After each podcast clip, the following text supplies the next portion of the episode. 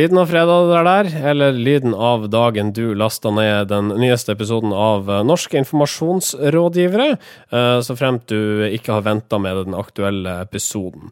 Eh, det er din gamle venn Marius som sitter her, 30 år da, i Bodø, sammen med Sindre Holme og Marius Torkelsen, som jeg da har ringt opp på telefon. Dere sitter i Major Studio nede i Oslo. God dag, gutter. Ja, god dag. Vi sitter da her på andre siden av linja, vi, da. Ja. Velkommen til Major Studios. Ja, det var bedre. Med meg, Marius Tørkelsen. Jeg har vært i lydstudio denne uken og hørt på noen som spiller inn voiceover. Der plukket jeg inn noen tips, som blant annet å snakke med bass i stemmen og variere lyden på rare tidspunkter. det der, der har du plukka opp på reporterskolen til NRK, tror jeg. Eh, ja, blant annet. Og på, på Satiriks eh, 5080 Nyhetskanalen. Ja. Som er veldig gode på det der. Du har også med deg din gode, men betydelig eldre venn Sindre Holme der nede. Ja, takk for at du tar opp det med alder. Jeg eldes. Uh, med, med stil. stil. Ja, det vil jeg si. Uh, det ser man jo ikke når man hører på, men Nei. stemmen er jo veldig ja, vi, vi har, Gammel og fin, da. Vi har vært innom dette her før. Altså, det er jo en grunn til at vi ikke har et videobasert eh, podkastprogram, en såkalt videocast.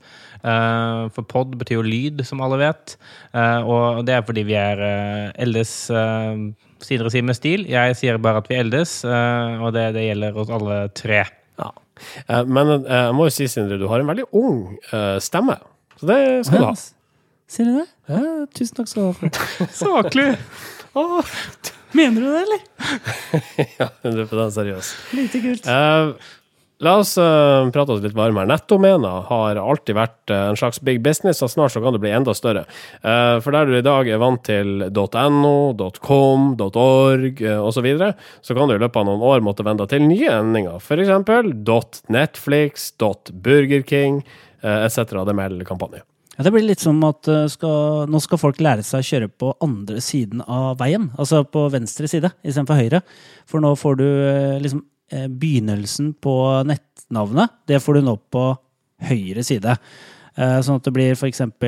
ipad.apple. Kan bli et domenenavn. Eller Kopp.statoil, f.eks. Jeg, jeg tror dette, her, dette blir jo bare anarki. Altså, det som har vært fint med .no og .com og .net, har vært at det har vært en eh, standardisert måte å gjøre det på. Ja. Nå blir det jo bare Nå blir det som Sindre sier, uh, Nav Altså .nav.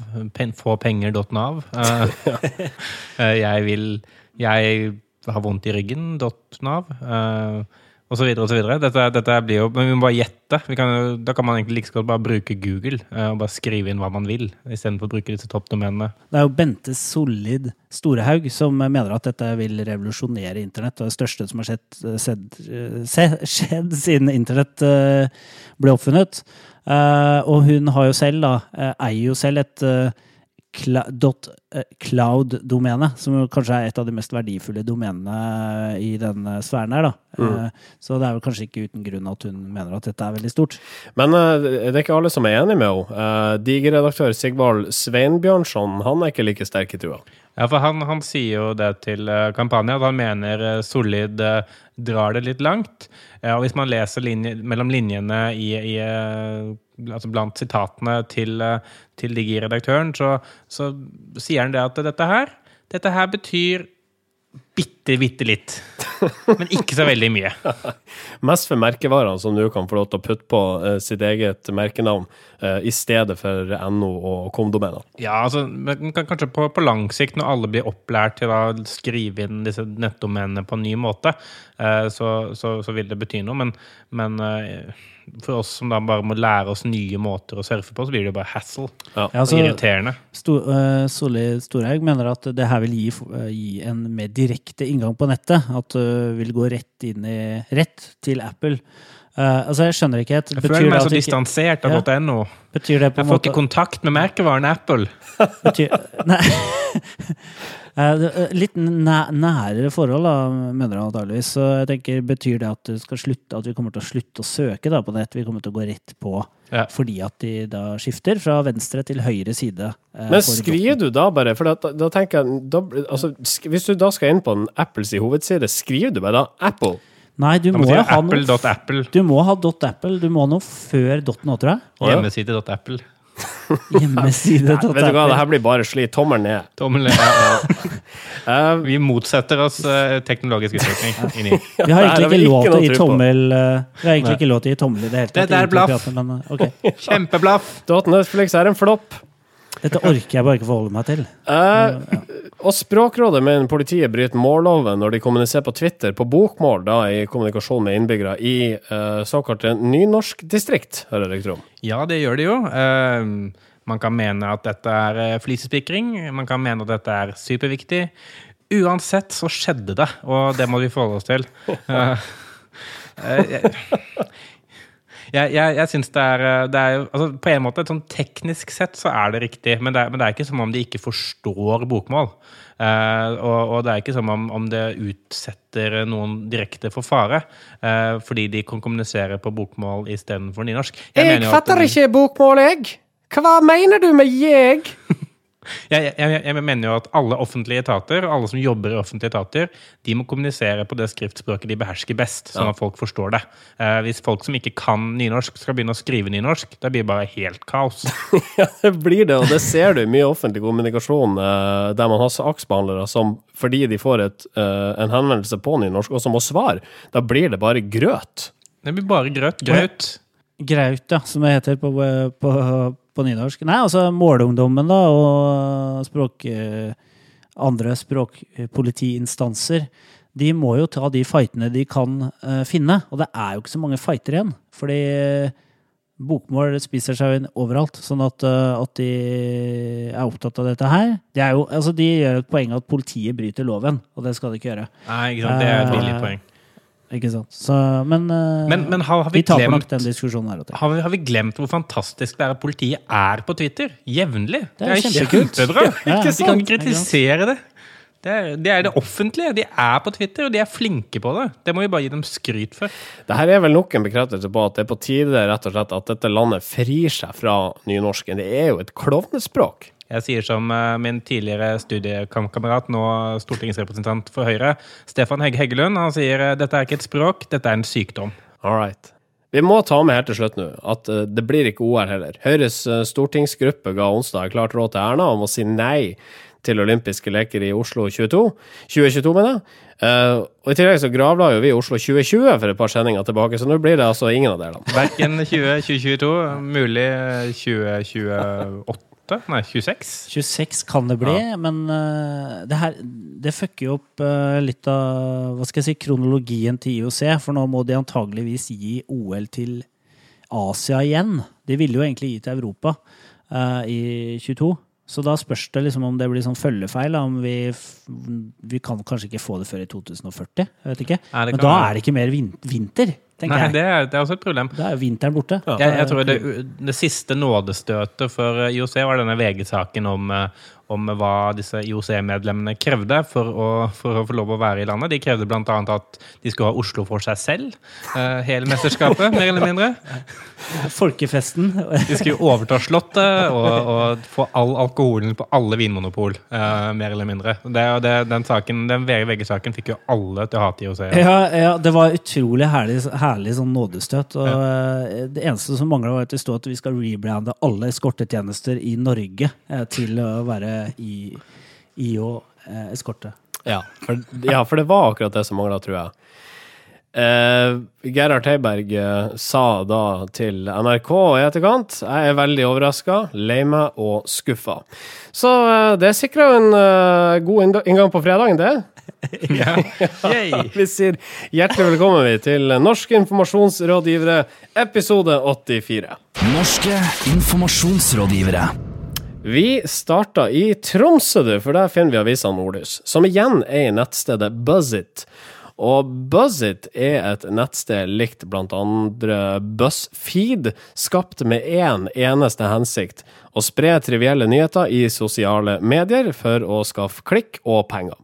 Den siste uka har både BuzzIt, Nordlys og A-media, som er i Nordlys igjen, vært i stormen, ettersom BuzzIt i mange tilfeller regelrett har stjålet nyhetssaker fra andre medier.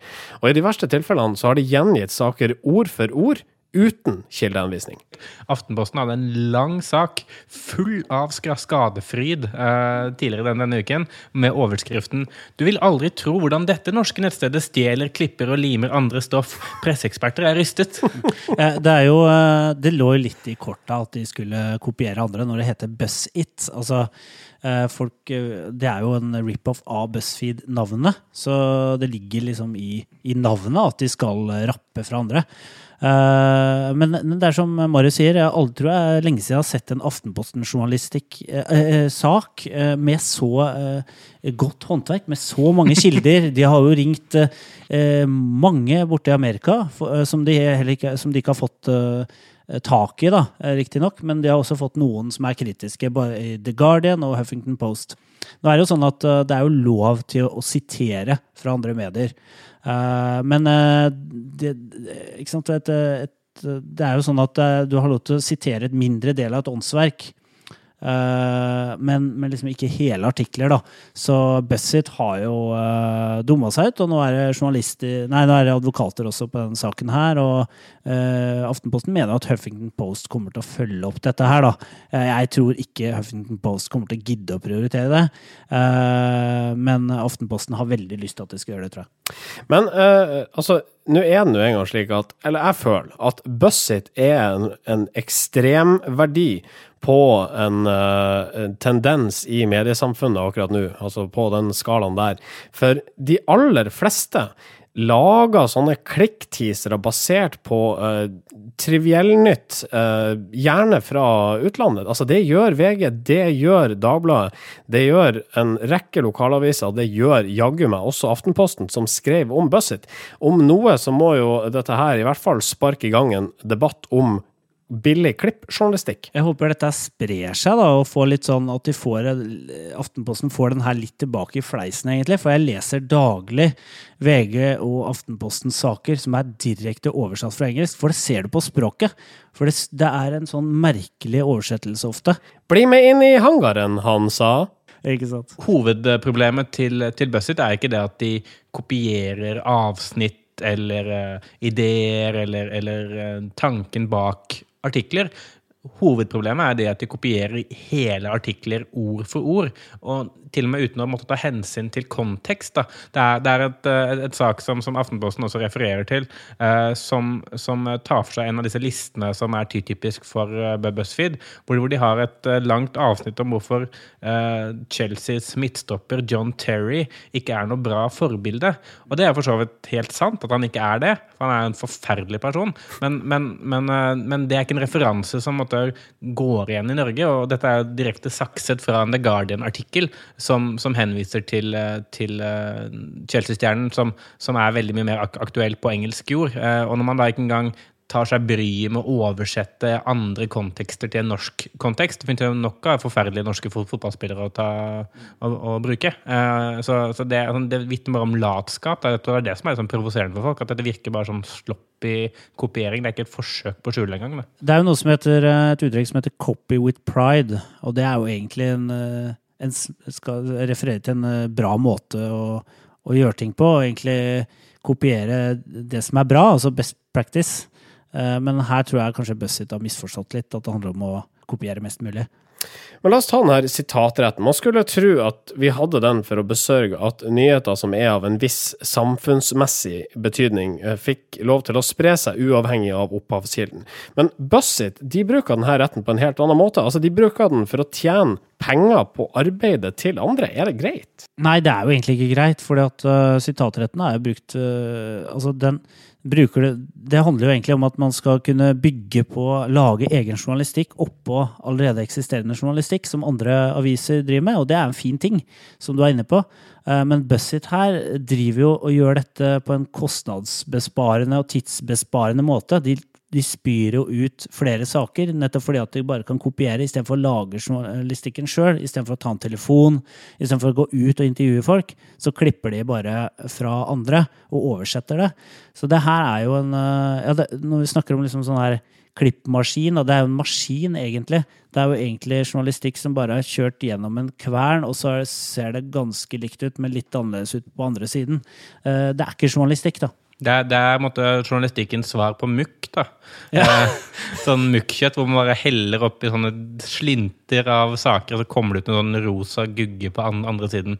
Og så stapper man det i en pølse, og så smaker det jo for så vidt greit, liksom, men, men du vet jo at det er dritt du konsumerer. Altså maskinutbenet journalistikk, altså. Ja, det, Møy. Ja, og, og, dette her er ikke noe som vi begynte på, dette er, dette er ikke et BuzzIt-problem. De bare blir en sånn ekstremverdi for de er late da, ikke gidder å skjule sporene sine. Men det er nok av måtte, norske nettaviser som er nødt til å operere på samme måten fordi eh, de har ikke nok journalister til å kunne fylle nettsiden sin med saker hver dag kun basert på egne saker. Eh, blant annet Nettavisen for eksempel, som er eh, minst like ille til tider. OK. Um, da eskalerte det her etter hvert til å bli en sånn generell kritikk av uh, norske medier og, og, og, veien de utvikla seg i. Uh, det har vi gjort mange ganger før, du. Uh, la oss vende en tommel opp, vi, for den debatten som Buzzit-saken er nødt til å utløse. Ja, Tommel opp. Det gjør vi. Og Tommel. jeg innser jo akkurat nå at vi møter oss jo selv i døra. vi utvikler ikke journalistikk, vi heller. vi tilfører i hvert fall saken og noen egne meninger. Ja. Kritikk. Norske informasjonsrådgivere. OK. Eh, saken vi skal til nå, eh, det henger på et måte sammen med den vi avslutter. For nå i oktober så rulla den britiske avisa Financial Times ut en helt ny annonseringsmodell på sine nettsider. Vanligvis er det jo slik at annonsørene betaler for antall eksponeringer, altså antallet ganger deres annonser blir vist for leserne. Financial Times vil nå heller ta betalt for tida brukerne blir eksponert for annonsen. Dette er en mer korrekt måte å drive business på, hevder avisa. Samtidig kan den bidra til å dempe klikkjaget på nett, noe som igjen bør føre til eh, bedre innhold, altså innhold innhold bedre enn det som uh, blant andre BuzzIt serverer. Ja, jeg, jeg syns jo dette er en uh, veldig interessant nyhet. Uh, John Slade, som er eh, kommersiell direktør i Financial Times, han har jo helt siden han, han uh, tok over, holdt jeg på å si, prøvd å dra den, den avisa, måten de opererer på, på nett i, en, i, en, ny retning, sånn forretningsmessig. Og nå har, har de virkelig lansert av hvordan de skal tjene penger på nett forover, fremover. Og, og, det de sier, er det at klikk og, og, visninger, som er måten som eh, nettaviser i dag tjener penger på, eh, det er ikke lenger en knapp ressurs. Eh, fordi vi har så mange devices og så mange enheter alle sammen. Og det er ikke noe problem å få måte, nok klikk eller nok visninger på saker, fordi man kan bare drive med sånn klikkhoreri, som, som mange gjør. Men tid tid er for fortsatt en, en knapp ressurs. Og, og, måten som eh, da For å ta måte, forretningssiden av det for nettavisene, måten de, de, skal tjene penger på, er jo gjennom å, å, få tilgang til en knapp ressurs, og så selge den. Eh, og de tenker at Hvis vi kan da selge tiden folk bruker på eh, vårt nettsted, eh, så kan, kan, vi også sannsynligvis ta mer penger for annonsevisningene, og dermed også bygge en mer bærekraftig forretningsmodell på nett.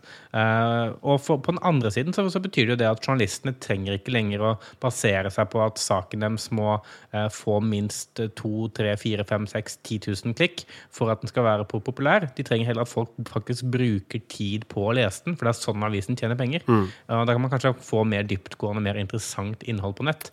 Og det høres jo uh, ganske fornuftig ut.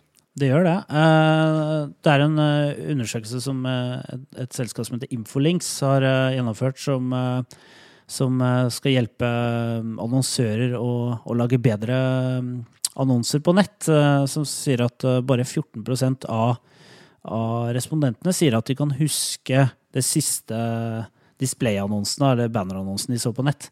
Så det er helt klart at det er si, liksom mørketall. Liksom, vi vet vi vet at en del annonsering ikke funker godt, men eh, har egentlig ikke kommet med noen gode løsninger på det. Og det her kan være en måte, ny, måte, ny og smart måte å tenke på.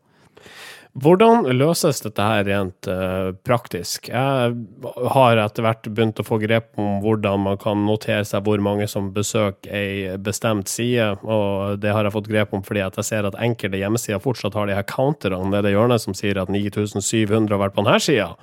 Blinkefjes. Men hvordan måler man tida den enkelte bruker? Uh, backend-systemene til disse nettsidene, som ofte er Google Analytics eller noe, noe tilsvarende, eh, det måler jo alle, alle sesjoner. Altså en, en, sesjon er hver gang du går inn på et nettsted, så starter det en, en tidscounter. Eh, og, og, den måler da hvor lang tid du faktisk er inne på det nettstedet. Og da kan man jo også styre det sånn at eh, hver gang noen går inn på et nettsted, så skal en annonse da vises, og så kanskje den også lage sånn at den følger deg nedover på skjermen når du skriver scroller nedover, for, eh, og da kan du si at denne annonsen har vært eksponert hele tiden mens du har vært på nettet, eh, eller på, på den nettsiden, og da har du fått eh, visninger tilsvarende 20 sekunder eller 30 sekunder eller 1 minutt, kanskje. Konsekvensen blir at vi, når vi skal lese nyhetssaker, alltid vil ha en banner rett over saken som sier at på onsdag er det 147 millioner i første premiepotten! Ja, hvis den kommer med lyd, da, så blir det ekstra bra. Lengre penis! Konstant. Og, og den gjentar seg bare. Lengre penis! Lengre penis! Lengre penis! Ja, eh, det, det, er jo altså, Men det, det, er sånn, vi, vi, vi, kommer ikke unna reklame på nett, eh, dessverre. Med mindre man kjøper noe sånn, eller bruker noe sånn adblocker osv., så som mm. jo mange gjør. Men selv de har jo begynt å slippe gjennom det, det de kaller for trusted uh, advertisers. Uh, så uh, noen slipper alltid gjennom garnet. men litt sånn tilbake til der vi begynte på kvalitetsinnhold, så, så sier jo denne Financial Times-artikkelen at det, det betyr jo ikke nødvendigvis at vi Eh, vil få bedre innhold på nett, men det er i hvert fall sannsynlig at man er nødt til å gjøre noe for å holde tiden din lenger. Eh, og så sier de samtidig, kanskje med en referanse da til BuzzFeed, at eh, det betyr ikke at du ikke kan lykkes med nettsted med bare kattebilder, eh, så lenge det er virkelig gode kattebilder. Ja. Eh, All right. Financial Times ruller altså ut denne nye forretningsmodellen. eller De setter den ut i livet nå i oktober. Eh, vi ønsker lykke til og retter tommel opp eller ned. Jeg tommel opp. Dette, er, eh, dette tror jeg er smart. Tommel opp. Norske informasjonsrådgivere. Senere i dagens sending så skal vi ha en ny runde med flatindeksen. Vi er da i oktober, og så tar vi en uh, tur bak i tid i Sindres tidsmaskin. Men nå skal vi snakke om de etablerte PR-byråene som satser på kreativitet. Tidligere i år ansatte Gelmyden Kise kreatørene Vidar Singh og Eva Sandem fra Try Apt. Nå følger Gambit etter å satse på kreativitet med avleggeren Biscuit, som da er Hill Nortons kreative satsing internasjonalt. Biscuit. Ja, Biscuit med Q. Eh, ja, altså det er jo eh, Lars Erik Grøntun som er eh, sjef i i hele sulamitten, egentlig, Hillen Nolten i Europa nå, tror jeg, som uh, sier at dette er veien å gå. Eh, det er jo eh, bransjeglidning som, eh, som, man elsker å snakke om i, i kommunikasjonsbransjen. sånn at eh, reklamebransjen skal ikke få lov til å ha monopol på kreativitet lenger. Eh, så dette er jo et eh, forsøk på å begynne å spise av kaka til reklamebyråene. Men det sier Gambit sjøl at nei da, vi skal ikke ikke konkurrere med reklamebyråene. Men uh, siden de skal satse på kreativitet, så lurer jeg på et eller annet sted skal de vel hente businessen sin fra? Uh, og da tror jeg nok det er reklamebyråene de ønsker å konkurrere med, ja. Dette, er jo dette er litt sånn vanskelig for, eh, for Gambit å manøvrere i. fordi de, på en måte da, så, så, ønsker de jo selvfølgelig å ta en større andel av, av kaka, som eh, Sindre er inne på. Og samtidig da, så er de jo faktisk avhengig av at reklamebyråene stoler på dem. fordi for, på mange kunder da, så, så, jobber de jo sammen med reklamebyråene, og det er avhengig av at reklamebyråene involverer dem for at de skal få eh, tilgang på kundene og måtte få den tilliten og, og nærheten som de, som de trenger. Eh, så de kan ikke gå ut og si at vi skal nå banke reklamebyråene ned i støvlene, for det ville jo bare vært dumt dumt rent sånn taktisk sett. Eh, og samtidig så, så, så er dette et forsøk på å kanskje posisjonere Gambit da tettere på, på First House og Zink. Eh, fordi de ser at man trenger både å være virkelig tung strategisk, og man bør også være kreative. Eh, men man kan ikke være begge deler samtidig. Eh, så, så, derfor må man ha to forskjellige merkevarer. Mm, så det Gambit egentlig gjør ved å opprette Biscuit, det er i større grad å ta kontroll på større deler av en næringskjede. Altså der de før var avhengig av businessen fra eh, reklamebyrået, så tenker de nå at ok, vi kan ta av den, noe av den businessen sjøl. Ja, og det er fornuftig tenkt, for det, at, det er klart For eksempel hvis man skal treffe unge folk da med med eh, reklamebudskap eller eh, ja, altså markedsbudskap, da, så, så, funker jo TV dårligere enn før. Eh, før så var det jo sånn Og TV er fortsatt noe som er utrolig dyrt å investere i, men stadig flere annonsører velger bort del Nei, velger bort TV i en del kampanjer, og da har de penger til å gjøre andre ting, annet å bruke på sosiale medier og digitalt. Og den der, det feltet der da, med sosiale medier, digitale kampanjer, det er litt sånn uavklart. Her er det både digitalbyråer, PR-byråer, reklamebyråer og andre Designbyråer er liksom prøver å spise av den kaka her. Eh, og det er jo det Gambit nå gjør, da. Eh, de går inn i det feltet her. De har jo sterk kompetanse på sosiale medier. De ansatte jo eh, rådgiverne fra Colt i sin tid, og noen av de er der fortsatt. Sånn at som det ser ut for meg, så ser det ut som at de ønsker å spise mer av den der, det, det, markedet som både Ja, som flere typer byråer opererer på i dag. Mm. Skal vi uh, ønske Biscuit lykke til, da? Ja da. Det syns jeg de fortjener. Gutenberg. Pergamentrull. Tresko. Brevdue. Elektronikk. Fax. Nintendo 8-bit. CDR. Ja, ja, jeg sender pressemeldingen på Telex. Sindres tidsmaskin. Ja. det er så sjelden uh, vi har denne spalta her. og hver gang vi kjører den i gang, så kommer jeg på hvor absurd den egentlig er. Ser du det? det, er noe, det er noe, ja, altså, vi, men det er nå spalte, så jeg tror kanskje uh, Sindre, du får forklare det her. Den er alltid veldig vanskelig å håndtere også, den spalten her, fordi at uh, tidsmaskinen er jo ikke i bruk mellom de turene vi tar med tidsmaskinen. sånn at du vet aldri hvor vi havner. men det her er jo et forsøk på å reise tilbake i tid. Eh, vi har fortsatt ikke klart å reise fremover i tid, men vi reiser altså tilbake i tid, der det skjedde noe interessant som vi syns det er verdt å, å, ta et tilbakeblikk på. da. Men sånn, teknisk sett så tar, tar, vi ikke tilbakeblikk, for når vi er der, tar vi et da-blikk. Samtids, samtidsblikk. Samtidsblikk ja. uh, i, i, i, datid, da, kan man si. ja. Uh, og i dag så skal vi tilbake til 80-tallet. Hvor er det vi skal, Sindre? Ja, vi skal til 1989 året det skjer et militærkupp i Paraguay. Ayatollah Khomeini i Iran erklærer fatwa mot forfatteren Salman Rushdie. Paven besøker Norge, og 96 Liverpool-fans blir drept i en ulykke på Hillsborough Stadium i Sheffield. Så det er jo et uh, år med utrolig mange store, forferdelige hendelser, egentlig, og noen hyggelige. Men vi skal vel se på en av de litt rare, eh, kanskje litt pinlige. Det skal vi. Vi skal over dammen. Vi skal til eh, et, eh, et lite sted som heter Bristol. Ikke i England, men i Connecticut i USA.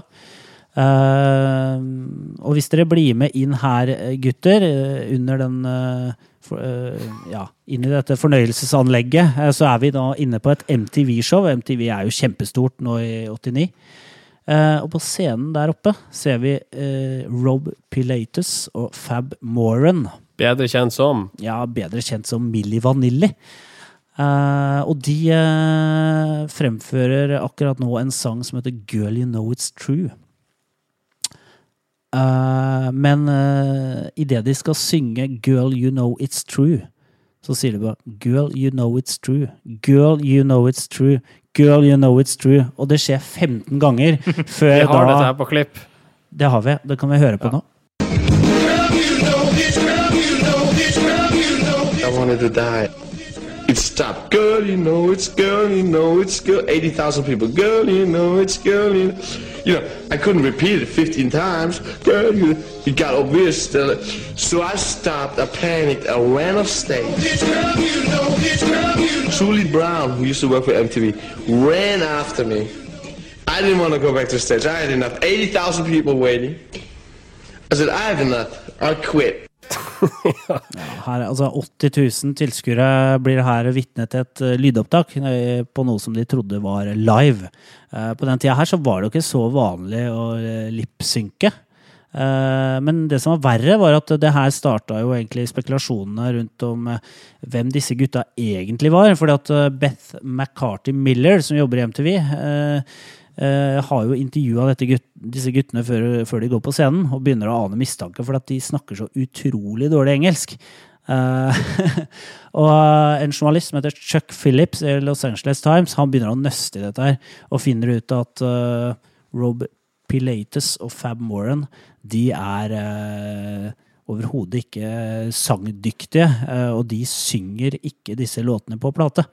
Eh, og dette blir avslørt, eh, de blir avkledd, og man finner ut hvem som egentlig står bak. Og de må ende med at de må gi bort tilbake sine Grammy Grammys, som de får da i eh, året etter. Men eh, altså her i Bristol, Connecticut i 1989 så begynner det her eh, snøballen å rulle. Og dette her var det som utløste spekulasjoner, og til slutt felte hele gruppa Milli Vanilli. Det, her, det er helt sant. Og, og Milli Vanilli var jo en av 80-tallets store artister. Mange vil si døgnfluer, men de hadde faktisk mange hits. Så det pågikk, pågikk lenge, det her eh, Hva skal jeg si den, Dette lureriet, da. Og, og sam, samtidig så satt en, eh, en ung, eh, litt sånn eh, eh, ung, eh, idérik, eh, veldig sånn engasjert eh, jour- journalistspire, Anders Oppdal, som senere skulle gå, gå videre til å bli redaktør i Nordlys, og tenkte hm, det her med kopiering og ta ære for andres verk, det høres ut som en bra forretning til det. Ja, for det skjedde òg. Det skjedde òg. Det skjedde også. Ja. satt på gutterommet sitt oppe i Tromsdalen der og, og tenkte at ok, disse gutta er inne på noe. Så lenge man ikke blir tatt, så funker det. Ja, sånn. ja. Uh, en liten Milli Vanillegate som uh, finnes det i Buzzit sine lokaler og nå om dagen, da. Eh, men det var et artig tilbakeblikk på en av uh, de store fadesene fra musikkens 80-tall. Uh, Sindre, skal vi sette kursen hjemover? Ja, vi, eh, vi stiller inn klokkene på 2014 igjen, for eh, det er ikke noe hyggelig å være her, rett og slett. Det er eh, småpatetisk. Så vi Det ble ganske dårlig stemning etter den konserten. Ja, veldig dårlig stemning å stå blant 80 000 mennesker her nå. Ikke noe hyggelig. Mye pastell og, og dårlig Girl, you know it, girl, you know it, girl, you know it, Få girl, you lengre know penis! it. Få lengre penis! Få lengre penis! Få lengre penis! Få lengre penis! Norske informasjonsrådgivere. Ukas medieinnsalg. Og mediesalget denne uka er det Britney Spears som står for, for popartisten har lansert sin egen undertøyskolleksjon. Uh, og denne fikk stor oppmerksomhet i mediene. Og VG, vårt kjære VG, VG skrev en sak om at en VG-journalist fikk lov å posere med Spears under lanseringa. Og så tok mora til Britney et bilde av disse to, altså VG-journalist pluss Britney Spears, som sistnevnte så publiserte på Twitter og Instagram. Ja, dette ble jo en bra sak for eh, en av landets største nettaviser. Ja, og for en av landets største journalister. Eh, Morten Hegseth, journalist i VGTV. Han er to meter høy. Og det synes Britney Spears var så fascinerende at eh, hun måtte ha et bilde av han. Et bilde som da fant veien rundt på hele nettet og tilbake igjen til VG. Ja. Jeg, jeg jeg synes det, det, syke med dette her er hvor mye oppmerksomhet dette her har fått. Eh, det at Britney Spears nå lanserer eh, Change Lingerie, lingerie, eh, hvordan man enn sier det, eh, det, det har blitt dekket benhørlig i alle landets nettaviser. Og alle har hatt sånne slideshows hvor de anmelder plagg for plagg. Eh, VG, Dagbladet, Aftenposten, alle har vært på saken. Og alle har vært enige om at ja, dette er jo egentlig helt alminnelig undertøy.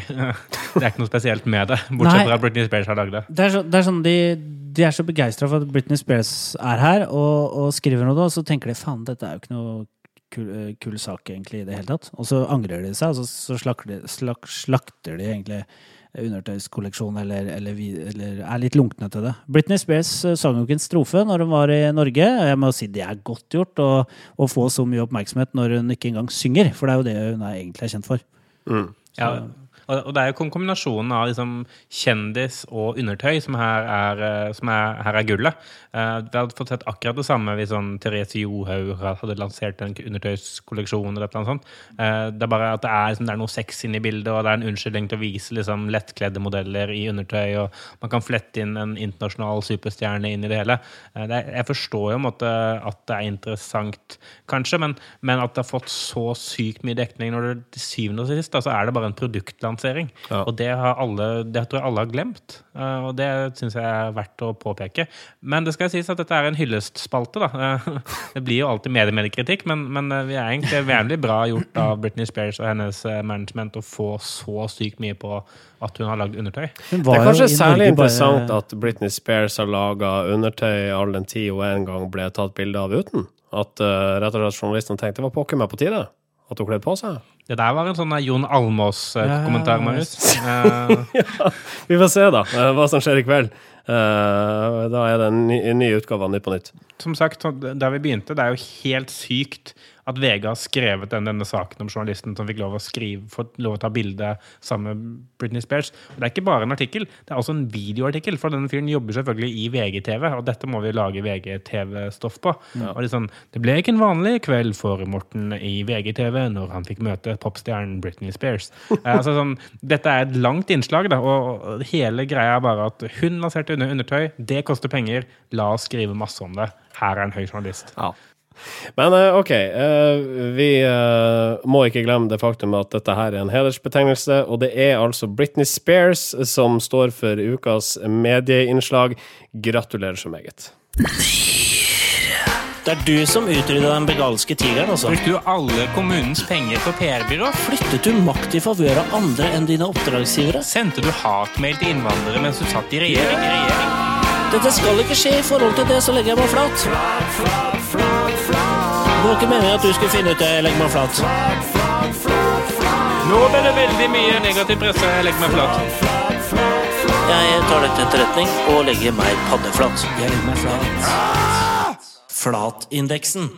Vi har forlatt september måned og har eh, glidd inn i oktober. Det betyr at vi eh, igjen skal ha spalten Flatindeksen, hvor vi tar eh, en nærmere titt på flatlegginga rundt om i det ganske land, av og til også internasjonalt. Marius Torkelsen, ditt ord. Tusen takk. Jeg tar ordet og, og kommer til å snakke nå sammenhengen de neste fem minuttene. Uh, vi, jeg har gått gjennom uh, alt som er av flatlegginger i uh, måneden som har gått. For de uinnvidde så er det å si 'jeg legger meg flat' når man har gjort noe galt, en, en sikker måte å få pressen til å slutte å mase. Og det er egentlig det vi prøver å komme til livs. At man ikke alltid må legge seg flat, men man kan bare si at 'hei'. Det skjedde.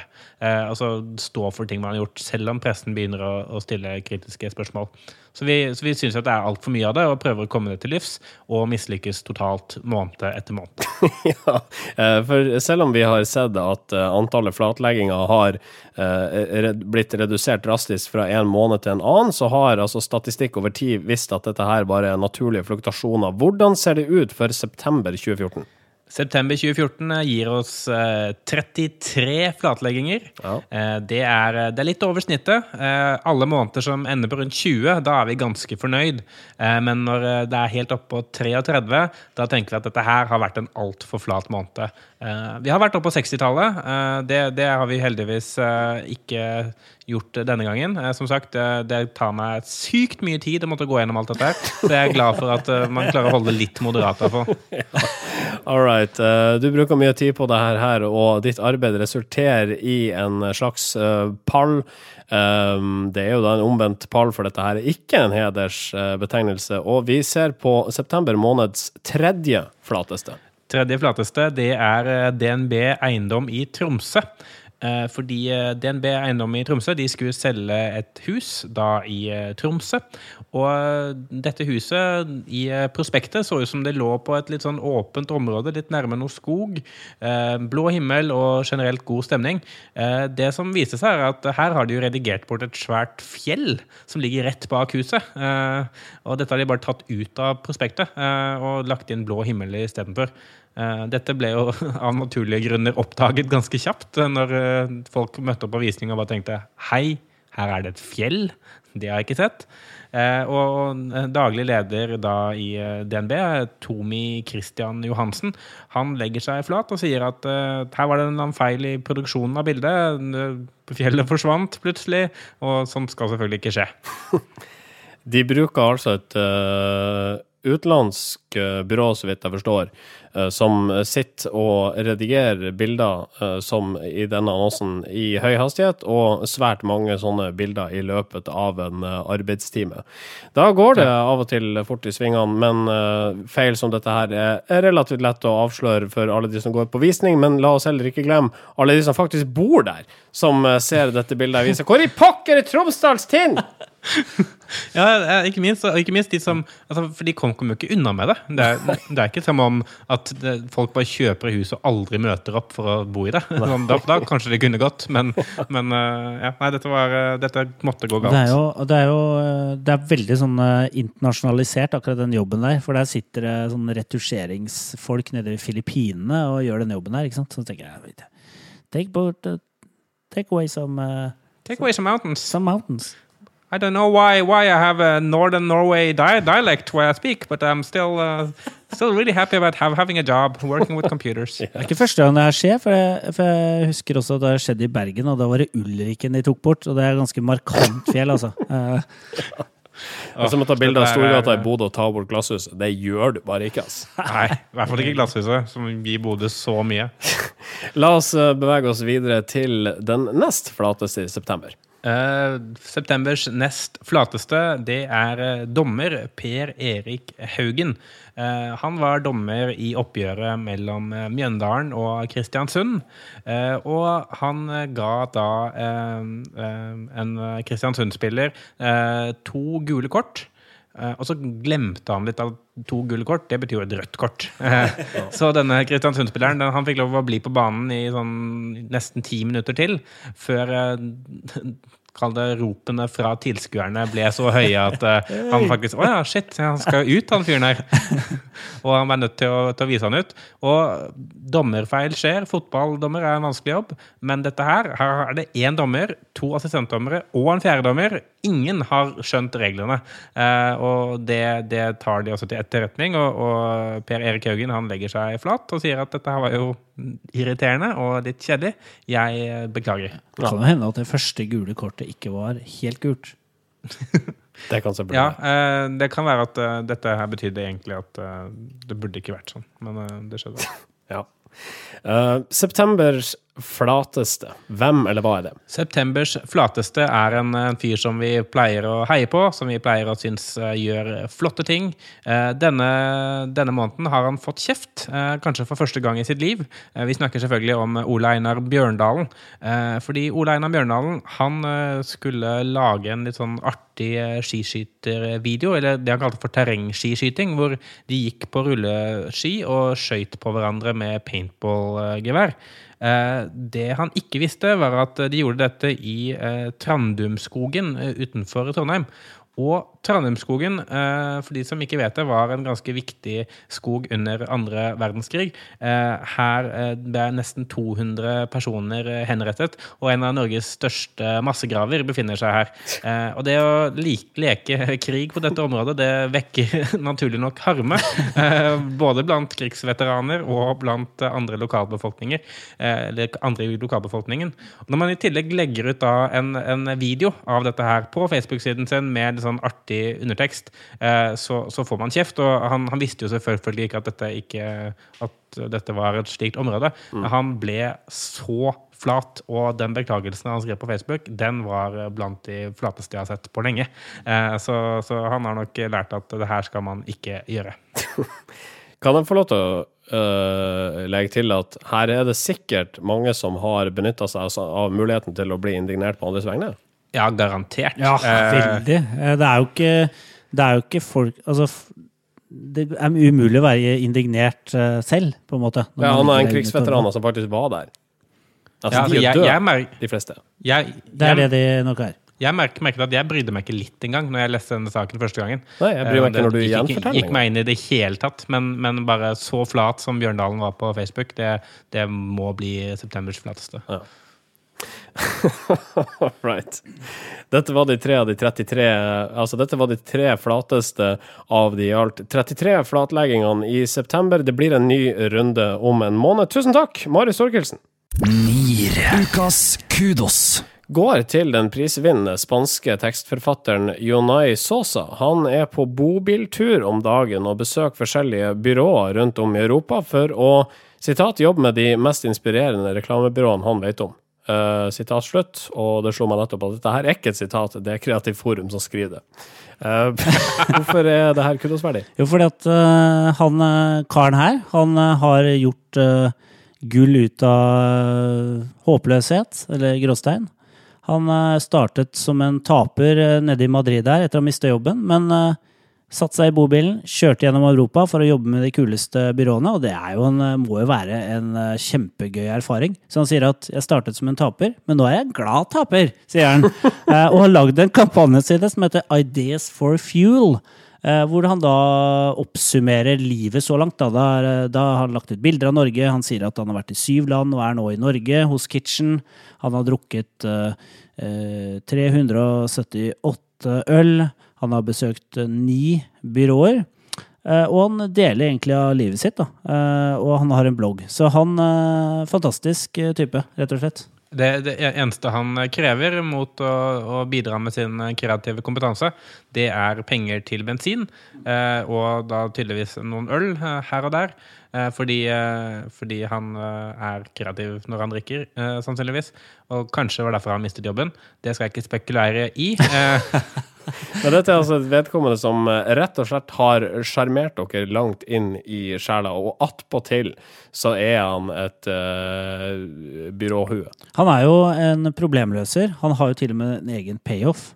Han sier 'if you get stuck', I go with my truck. Så egentlig hvis du sitter fast med en kreativ prosess, hvis liksom ikke det hjelper å sitte inne i ballrommet uh, og liksom kaste ball til hverandre, spille bordtennis og få den kreative prosessen i gang, så bare ber du denne karen komme med truck, eh, trucken sin. Det er jo ikke en truck, det er en bobil.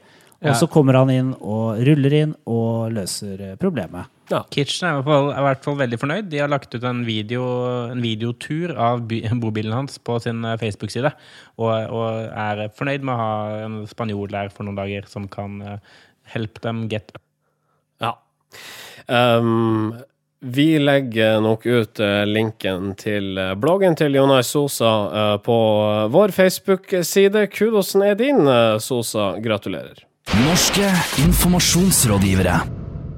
Hvis du hører på Hvis han hører på eh, Men han besøker vel ikke podkaster også? Ikke vet, byråer. Men Jeg føler vi er litt stuck. vi har jo masse inspirasjon. Vi er ikke stuck i det hele tatt, vi. Vi trenger ikke Nei. eh, bobil. Vi Trenger ikke ideer, vi. Nei. Nei. vi trenger ingenting.